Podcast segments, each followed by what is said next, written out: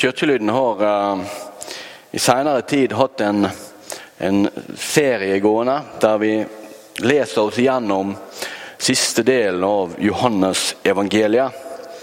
Det er spennende, for da, uh, da kommer en tett innpå, og en får dykke litt sånn dypere inn i, i denne fortellingen om Jesus og om disiplene hans.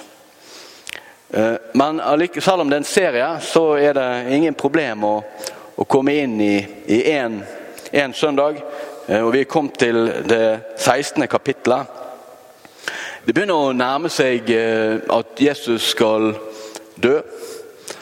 Og han prøver jo å forberede disiplene sine på, på dette. Det står da i kapittel 16, vers 16.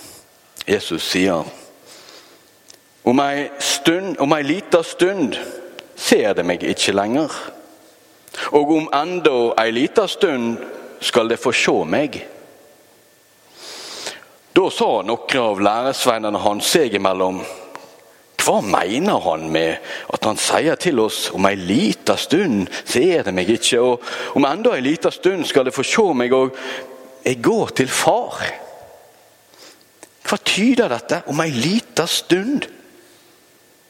Vi skjønner ikke hva han snakker om. Jesus visste at de ville spørre han, og han sa Snakker de om at det jeg sa, om ei lita stund ser de meg ikke, og om enda ei lita stund skal de få se meg? Sannelig, sannelig, jeg sier dykk, det skal gråte og klage, men verden skal glede seg. Det skal sørge, men sorga skal vendes til glede. Når ei kvinne skal føde, er hun urolig for tida han er kommet. Men når hun har fått barnet, husker hun ikke lenger hvor vondt hun hadde. Så glad er hun fordi et menneske er født til verden. På samme måten er det med dykk. Nå er det fylt av sorg, men jeg skal se dykk att og hjertet deres skal glede seg, og den gleda skal ingen ta ifra dykk. Den dagen skal de ikke spørre meg om noe. Sannelig, sannelig, sier dykk. Be det far min om noe, skal han gi dykk det i mitt navn. Til nå har de ikke bedt om noe i mitt navn. Be, så skal de få, slik at gleda dykkar kan være fullkommen. Dette har jeg sagt dykk i likninger. Det kommer ei tid da jeg ikke lenger skal tale til dykk i likninger, men åpe og rett fram fortelle dykk om Far. Den dagen skal de be i mitt navn. Jeg sier ikke at jeg skal spørre Far for dykk da.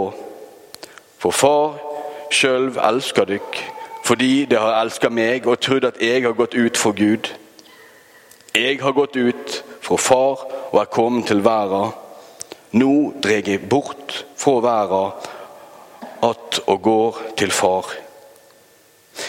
Da sa læresveinene, nå taler du rett fram og ikke i likninger. Nå skjønner vi at du veit alt og ikke trenger at noen spør deg.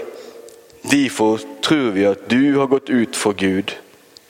Jesus svarer, tror det nå? Det kommer en tid, ja, hun har alt kommet, da det skal spreies og gå hver til sitt og la meg være att aleine. Men jeg er ikke aleine. Far er med meg. Dette har jeg sagt dykk, så det skal ha fred i meg. I verden har det trengsler, men vær frimodige. Jeg har sigra over verden. Slik lyder Herrens ord. Jeg vet ikke om eh, Det er mange foreldre her i dag av naturlige grunner. Um, og det er Noen ganger så opplever man at barna maser på oss. Spesielt hvis vi skal noe kjekt. Så er det sånn her eh, 'Mamma, mamma, når skal vi dra?' 'Vi skal dra snart, kjære.' 'Skal vi dra nå?' 'Nei, Nei, ikke helt ennå. Ikke helt klar ennå. Mamma, når skal vi dra? Skal vi dra nå snart? Ja da, vi skal dra snart. Men kan vi dra nå, da? Dra? Nei, ikke på det nåværende tidspunkt. Unger. Å forstå konseptet med tid. Å forstå hva Bare vent litt til. De forstår det ikke. Du har jo sagt at vi skal dra snart. Og snart er jo nå med en gang, det. Vi voksne forstår tidskonseptet annerledes enn barn. Og noen ganger så krasjer det når vi kommuniserer det. Sånn er det nok i stor grad for Jesus òg. Husk på det. Og disipler I forhold til Jesus så er de barn. Og Sånn er det òg for oss. I forhold til Jesus så er vi bare barn. Vi skjønner ikke hele konseptet. Så jeg, noen har tenkt på, jeg forstår disiplene sin frustrasjon. De skjønner ikke alt, men det er så herlig. Tenk, jeg skjønner ikke alt. Du skjønner sikkert ikke alt. Sånn var det med disipler òg. De hadde ikke peiling. Jeg har tenkt på litt her med, med, med disipler som ikke forsto det Jesus sa. Hvorfor han snakket i lignelser. Tenk litt på det. Tenk hvis jeg skulle forklare dere noe. Ja, nå skal jeg fortelle dere om noe du kan bruke for å plante noe og få det til å vokse. Mm. Ja, dypt. Det jeg snakker om, det kan du bruke for å ødelegge noe. Og ta livet av noe. Mm, dypt. Skjønner ingenting. Det jeg snakker om, dere, det er en spade. Hvorfor har ikke du kalt en spade en spade litt før? Hvorfor kalte ikke Jesus en spade en spade? Fordi at når vi hører ordet spåde, så setter vi i gang å grave. Vi setter i gang å plante. Vi setter i gang å rive ned. Men Jesus han visste hvordan disiplene var. Han ville at ting skulle skje i rette tid. Han vet hvordan vi mennesker er. Han holdt igjen når han snakket litt i lignelser, sånn at vi kunne undre oss. Han sa jo ikke ordet spade før vi hadde skjønt at med spade kan vi både skape og drepe. Jesus han taler i lignelser. Han sier 'snart' og 'ennå ikke' og 'plutselig' og Så skjønte de ingenting. Men Jesus han snakket om noe som ikke var langt fram i tid, eller var noe svevende. Han snakket jo om at han skulle dø. Han snakket om at om en kort stund så skal ikke dere se meg lenger. Men om enda en liten stund skal dere se meg. Sett i ettertid så skjønner vi jo det. Han døde. De så han ikke. Tre dager seinere sto han opp, og de så han. De var sorgfylte. De var knuste i det ene øyeblikket. Og i neste øyeblikket så var de fantastisk glad. Det sier noe om hvordan Jesus er. Jesus han han tar ikke fra oss sorgen. Han tar ikke fra oss tapene. Han sier de er der. Men jeg er, jeg er inni sorgen med deg. Jeg er i tapet med deg. Jeg tar ikke det fra deg. Men jeg gir deg noe enda større og sterkere. Håpet. Jesus sier videre noe rart. Før så har ikke dere bedt i mitt navn?